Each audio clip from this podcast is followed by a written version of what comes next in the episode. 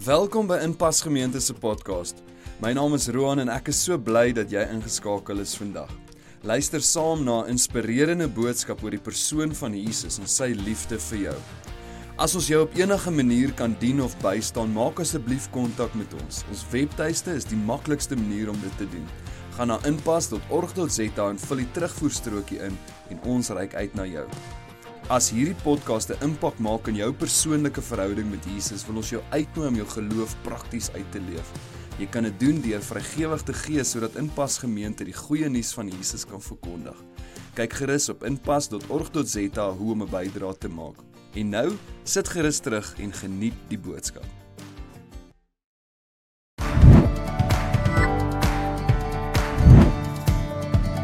Welkom by Impas Extra waar ons verder gesels oor Sondag se boodskap.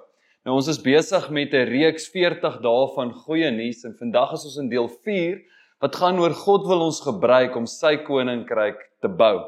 Nou elke keer as ek iemand se verhaal hoor van hoe die Here hulle geloof laat groei het of uitskiet het, hoor jy elke keer as deel van hulle verhaal en toe was daar hierdie hinkering hierso in hulle hart. Hulle wou iets doen aan en dan 'n probleem, nê. Nee. Eerens het ek gevoel ek moet betrokke raak, ek moet 'n verskil maak. Maar ek was glad nie voorberei of toegerus om hierdie verskil te maak nie. Maar iets binne in my het net bly beweeg. Ek was aanvanklik bang en angstig dat ek nie gaan weet hoe om presies nou dit te doen nie, maar toe ek net eers aan die gang kom, net eers betrokke raak, het die Here begin deur my werk. Nou miskien is jy in die middel van so 'n stryd met die Here, nê. Jy weet jy moet begin om iets te doen, maar jy huiwer om te luister na daai hinkering in jou hart. Die Here begin weer en weer dit op jou hart te druk, maar jy stoei daarmee en jy huiwer. Nou die Here nooi ons om uit ons gemaaksone, buite jou ondervinding of opleiding 'n tree van geloof te gee om te sien hoe hy deur jou werk. Die Here bou nie sy koninkryk alleen nie. Hy gebruik ons om sy koninkryk te bou. Nou ek wil jou vat na 'n bekende verhaal in Matteus 14 toe waar Jesus deur sy disippels 'n wonderwerk gedoen het. Kom ons lees dit saam.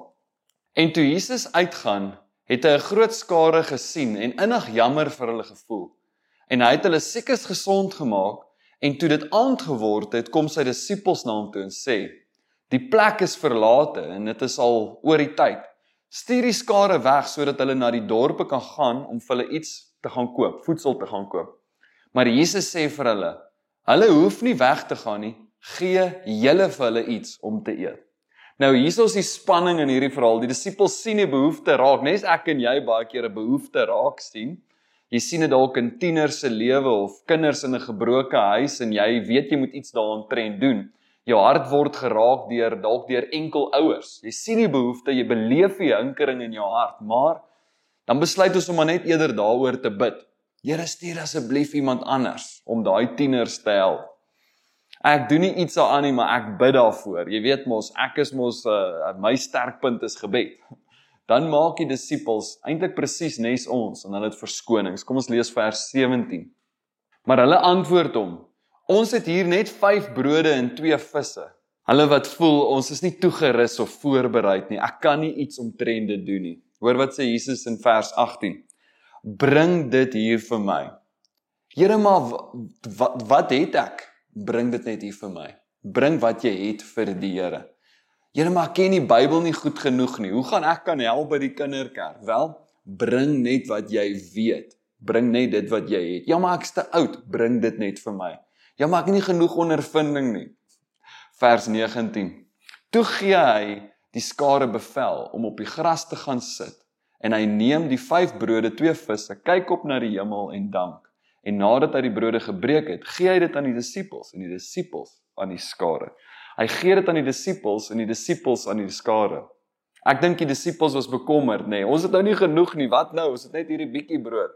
Ek dink hulle het gehoop die mense sal opstaan en loop, maar toe gebeur daar iets kragtigs in hierdie verhaal. Toe begin hulle net te doen wat hulle weet om te doen Hulle het net bloot daai brood gevat en begin uitdeel. Hulle het net gedoen wat hulle kon doen en vertrou dat Jesus sal doen wat net hy kan doen. Nou wanneer jy hierdie hinkering voel van ek moet betrokke raak of uitreik of daai vriendin bel en terselfdertyd huiwer jy met 'n klomp verskoning, is jou verantwoordelikheid baie eenvoudig. Jy doen net wat jy weet wat om te doen en die Here sal doen wat net hy kan doen. Nou jou huiwerigheid, onsekerheid, kan ek is ek bekwaamd genoeg, is buite my gemaak. Daai spanning is eintlik jou geloofspier wat die Here wil stretch. Die Here groei jou geloof. Die issue hier is nie eintlik die mense se behoefte eers nie. Die issue hier is my en jou geloof wat moet groei. Jou geloof is hier op die spel. En elke keer waar iemand braaf genoeg is om uit sy gemaksone uit te gaan om iemand te help, kry jy mense wat onvoorbereid, onbekwaamd voel en hulle doen bloot net wat hulle kan doen en vertrou dat Jesus sal doen wat net hy kan doen. Elke keer kyk hulle terug en dan sê hulle, weet jy wat, dit moes die Here gewees het, want dit kan nie ek gewees het nie. Waar gaan die geld vandaan kom? Waar gaan die hulpbronne vandaan kom om hierdie projek aan te pak? Nee, waar gaan ons al die kos kry? Jesus eindig dan so, die verhaal eindig so. En almal het geëet en versadig geword en hulle het die oorskot van die brokstukke opgetel, 12 mandjies vol. En dit was omtrent 5000 manne wat geëet het, buite die vroue en die kinders. Elkeen van die disippels het besef dit was God wat 'n wonder gedoen het deur hulle. Alle eer aan die Here. Ons het net 'n klein rolletjie gespeel, net die brood uitgebeel, net gedoen wat ons geweet het wat om te doen. En wat dink jy nê, was die groot wonderwerk of die doel met hierdie groot wonderwerk? Die primêre doel glo ek van hierdie wonderwerk was nie eintlik die 5000 mense wat geëet het nie, alhoewel dit in daai dae baie groot wonderwerk was, maar ek dink die groot wonderwerk was die disippels se geloof en vertroue wat geglo het. Jesus sou binnekort sy is sy bediening oorhandig aan hierdie 12. Hy wou seker maak hulle groei in hulle verhouding met God. So wat is die hinkering in jou hart waaroor jy soms huiwer om net te begin? Is jy bereid om net te doen wat jy kan doen en die Here te vertrou dat hy sal doen wat net hy kan doen. Al voel jy onvoorbereid, ek kan jou waarborg, dit gaan jou geloof stretch en dit gaan jou geloof groei. Nou goed, ek wil julle uitnooi om nou saam te gesels oor hierdie bediening, hierdie persoonlike bediening wat die Here deur ons wil werk. Kom ons gesels lekker saam in die klein groep en onthou om saam met mekaar te bid sodat ons die geleenthede sal raak sien wat die Here oor ons pad bring. Totsiens.